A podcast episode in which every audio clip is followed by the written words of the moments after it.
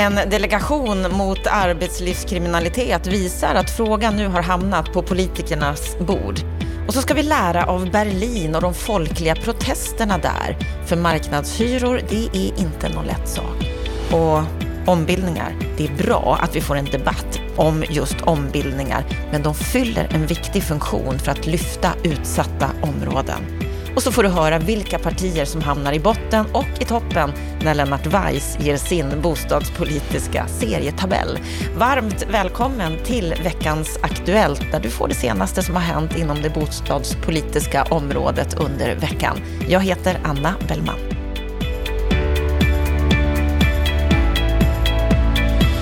Ja, det har hänt en hel del under veckan och vi börjar med delegationen mot arbetslivskriminalitet där regeringen har beslutat att inrätta en nationell delegation mot just arbetslivskriminalitet.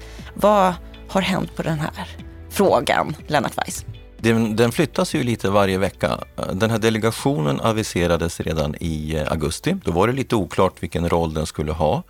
Nu är den utsedd, det är bra. Och den har fått en sammansättning. Det är före detta LO-ekonomen eh, Pettersson som eh, ska vara ordförande. Han är kapabel att leda en sån grupp. Där tar också Katarina Elmsäter Svärd från Byggföretagen plats, eh, Johan Lindholm från Byggnads och ytterligare några andra personer som man ändå ska uppfatta som sakkunniga i det här sammanhanget.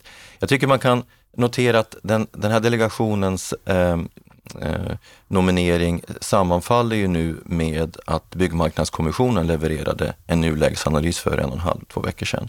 Som ju nu visar, bortom allt tvivel, hur stort det här problemet är.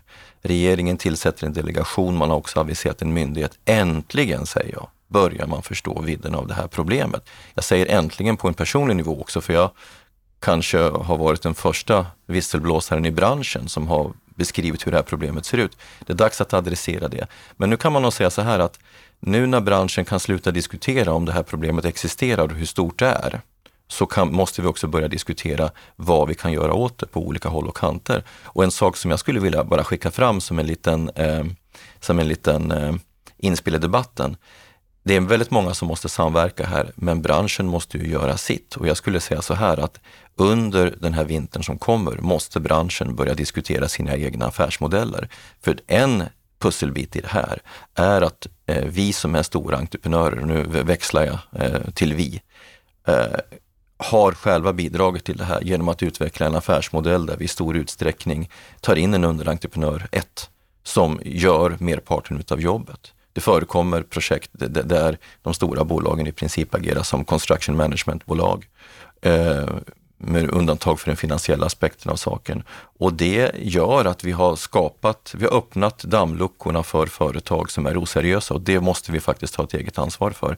Eh, och hur det bör göras, det kan vi återkomma till en annan gång.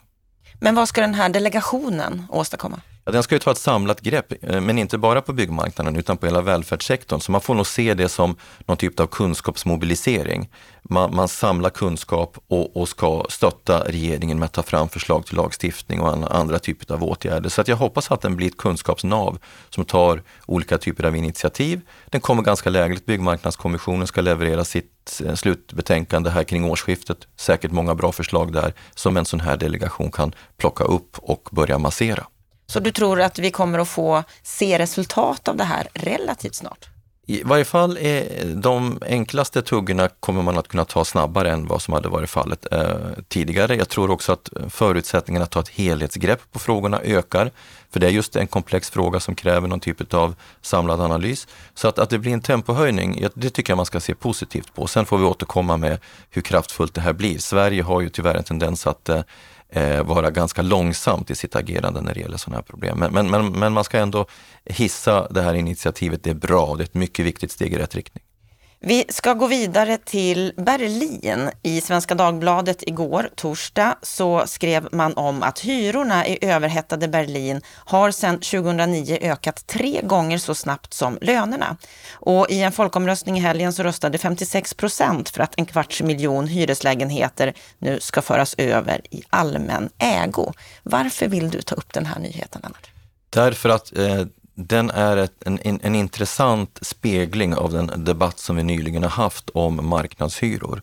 för all del då i nyproduktion, men den, den sätter ändå frågan i perspektiv därför att jag har hela tiden tyckt att marknadshyresförespråkarna har gjort det väldigt enkelt för sig.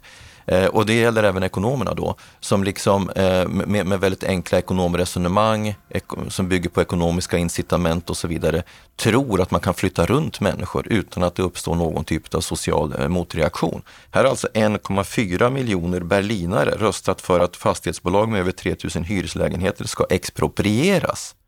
Tänk efter vad de säger.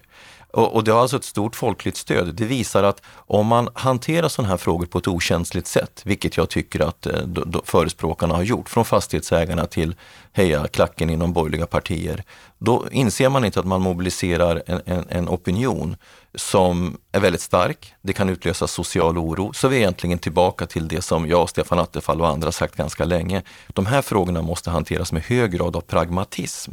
Man måste utgå från det system man har. Man ska skruva på det system man har. Revolution lämpar sig dåligt på den här, hyresmark- på den här marknaden för då får man motreaktioner som är väldigt skarpa. Och här kan man ju konstatera att konservativa eh, analytiker i Tyskland, i Berlin, själva påpekar att eh, det går inte att gå fram på det här sättet. Man måste skapa skyddsnät som lindrar effekterna av den här typen av marknadspolitiska eh, åtgärder. Så att lär av Berlin, alla ni marknadshyresförespråkare. Det här är ingen enkel fråga som man liksom löser bakom skrivbordet. Det, det är en viktig lärdom här.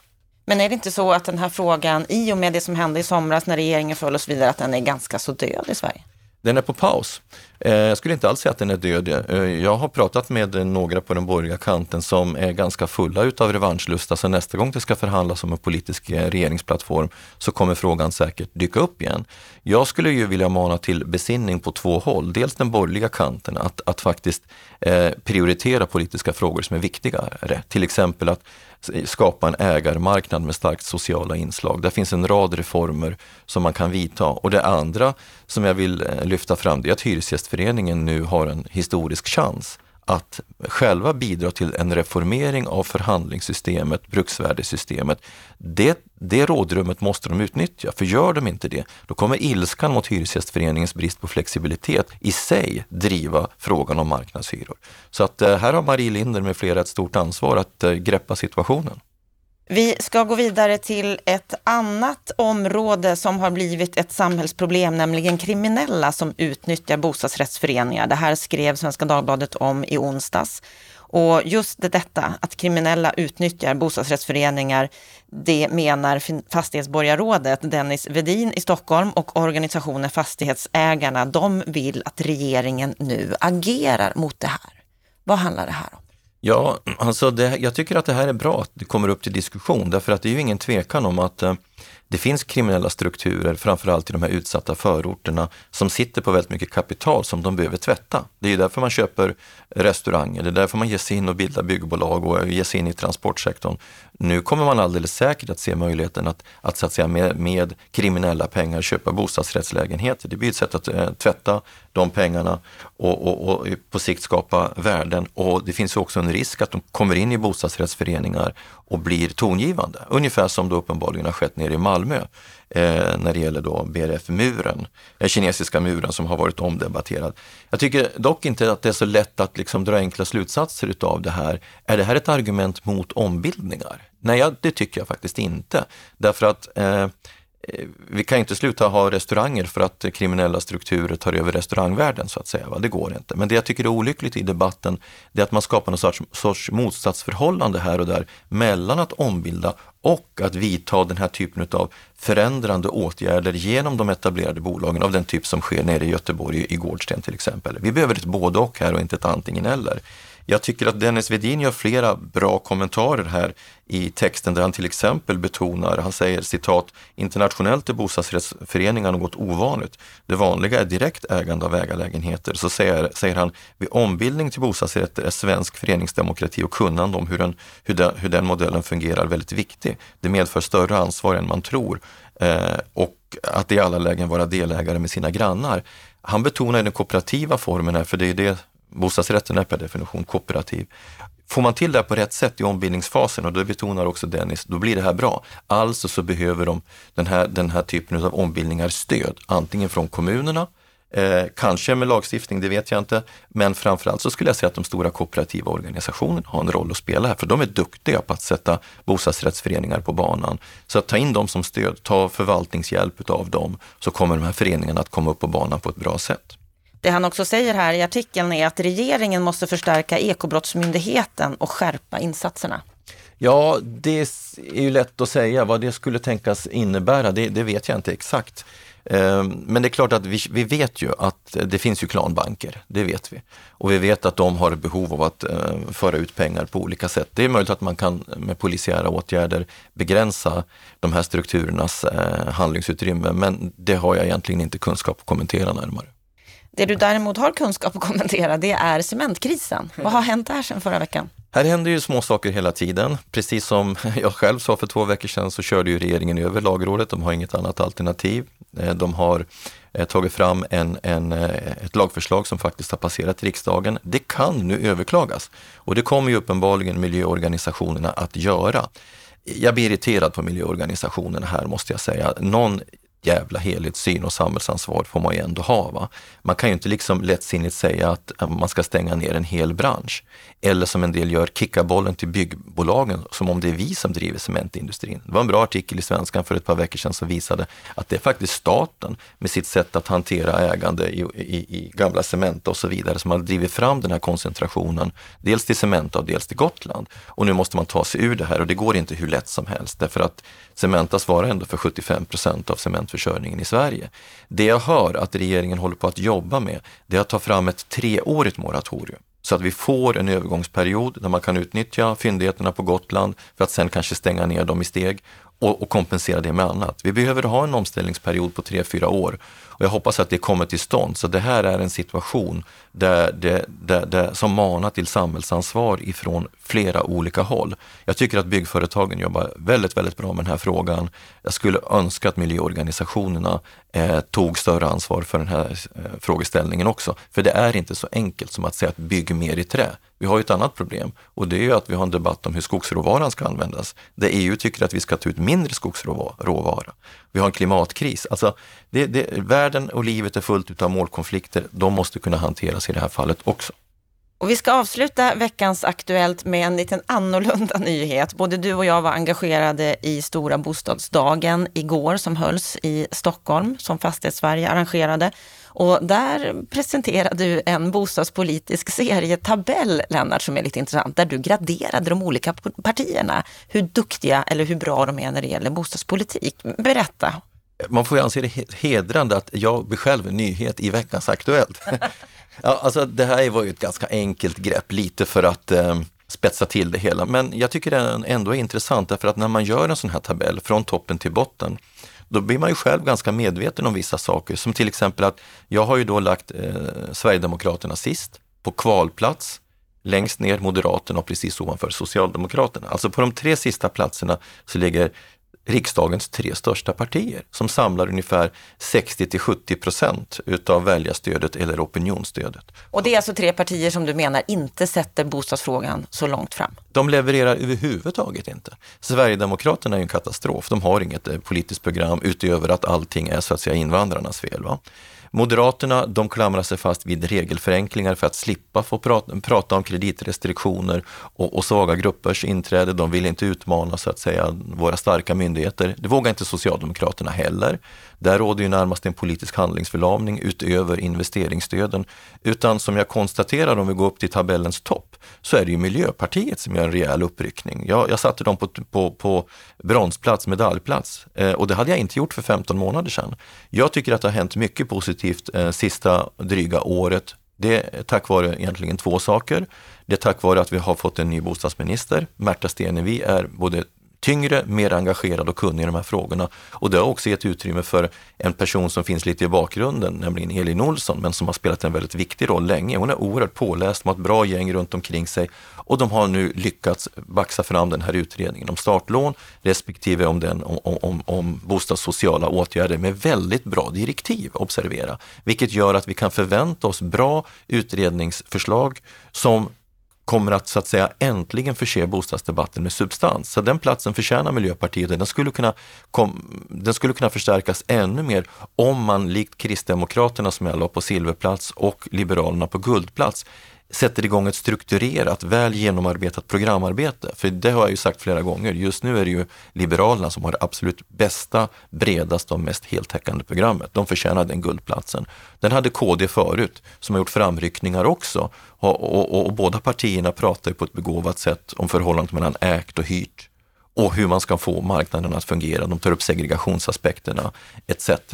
Eh, men det som är tråkigt eh, med en sån här tabell det är ju att man konstaterar att de tre bästa partierna, de samlar ju tillsammans 10, 12, 13 procent. Vilket ju också blir lite dystert för oss som har bostadspolitiken nära hjärtat. Det är ganska svaga partier som har en hög prioritet av de här frågorna. Och, och det är ju inte bra därför att eh, ska de här frågorna verkligen komma in i den politiska hetluften så måste de stora elefanterna in på arenan. Men det som är bra, det är ju att med väl genomarbetat programarbete, med den här typen av politiska initiativ som har tagits från regeringen, men tack vare Miljöpartiet, så bubblar de här frågorna ändå. De, de, är på väg uppåt. Så att jag tycker vi ska eh, hylla de som har tagit goda initiativ. Vi ska medvetet banna de som sitter på läktaren och mellanskiktet, eh, Vänsterpartiet, eh, Centerpartiet, finns inte mycket att säga om just nu. De sysslar mest med flörtande med sina egna intressegrupper. Vänsterpartiet med ganska olidlig retorik i vissa avseenden. De kan man förvänta sig mer av, men de man för absolut måste förvänta sig mycket, mycket, mycket mer av, det är Socialdemokraterna och Moderaterna. Skämskudde Betyder det här att nu när vi går in i ett valår att vi fortfarande inte kommer se så mycket av bostadsfrågor i valrörelsen? Ja, det är ju en bra fråga. Det var det jag egentligen diskuterade igår då på Fastighets Sveriges seminarium. I termer utav frågor, sakfrågor, så ser jag inte någon enskild fråga just nu med kapacitet att ta sig in i debatten. Men som jag betonade, så finns det tre typer utav strukturella klyftor i Sverige som är bubblare. Du har en generationsklyfta, ungdomarna, vilket Dina Ötterli förra veckan med eftertryck eh, eh, gav röst åt, håller på att bli ursinniga över hur, hur de sätts på undantag. Du har en stad-land-konflikt där inte minst det finns en skattepolitisk irritation. Alltså, du betalar lika mycket för ett, för, i skatt för ett hus i Kalmar som i Bromma. Det är ju, det är ju helt vettlöst. Och du har också en, en stigande klyftor vad gäller inkomster och förmögenheter, framförallt förmögenheter eftersom vi som är inne på bostadsmarknaden har ju fått en oerhörd resa med, med sjunkande räntor. De här tre sakerna ihop, de är en politisk eh, potentiell eldhärd speciellt för en rödgrön regering som har liksom jämlikheten som sitt grundläggande program. Någon av de här frågorna skulle kunna slå igenom och leda till en, en, en svekdebatt, en misstroendedebatt mot eh, nuvarande regering och då måste Socialdemokraterna agera. Då kommer det väldigt nära det ska säga, politiska, ideologiska känslolivet. Så att där finns en möjlighet. Och det, det, som jag sa när jag kommenterade Dina Ötterli, här kan enstaka händelser bli en tändande gnista, till exempel en husockupation eller gula västar på landsbygden eller att eh, Eh, den skriande ojämlikheten utav journalisterna lyfts in i valdebatten. Man vet aldrig vad som kan hända. Vi vet vad som hände i valet 1966 när Tage Erlander gjorde bort sig. Någonting sånt kan hända nu också som tänder en gnista. Eh, vi får se. Det är nästan så att jag hoppas att någonting sånt ska hända. Eh, och det som vore bra då om det hände, det är att nu finns det ändå politiska program som gör att man kan ta, ta, ta tag i dem i, i, en sån, i ett sånt engagemang. Så att eh, helt nattsvart är det faktiskt inte helt nattsvart är det inte och vi kommer definitivt att följa debatten och försöka elda på de eldar som vi kan. Och är det så att du vill höra just intervjun med Dina Ötterlid så finns den på Bopolpodden för ett par program sedan. Med detta så önskar vi dig en trevlig helg. Gå gärna in på bostadspolitik.se och läs mer. Och missa inte måndagens program. Då ska vi prata om äldreboenden. Å ena sidan har vi en bostadspolitisk debatt som då vill öka rörligheten. Men när man skrapar på den här lite grann så inser man ju att det finns en annan, vad ska vi kalla det för, äldrepolitik i, i Sverige som faktiskt vill motsatsen, att människor bor kvar i sina bostäder. Ehm, därför att det är av olika skäl både dyrt och av andra skäl besvärligt att få en hög efterfrågan på det vi kallar för vård och omsorgsboende då, som kräver biståndsbeslut och sådär. Ehm, och då har politiken satsat på Eh, att vi ska kunna bo kvar med hjälp av bostadsanpassning. Och när vi frågar de äldre så säger 85 procent ungefär att den här bostaden går att anpassa eh, så att jag klarar mig även om jag har ett funktionshinder eller fysisk svaghet på något sätt. Ted Lindqvist hör du på måndag. Ha nu en riktigt trevlig.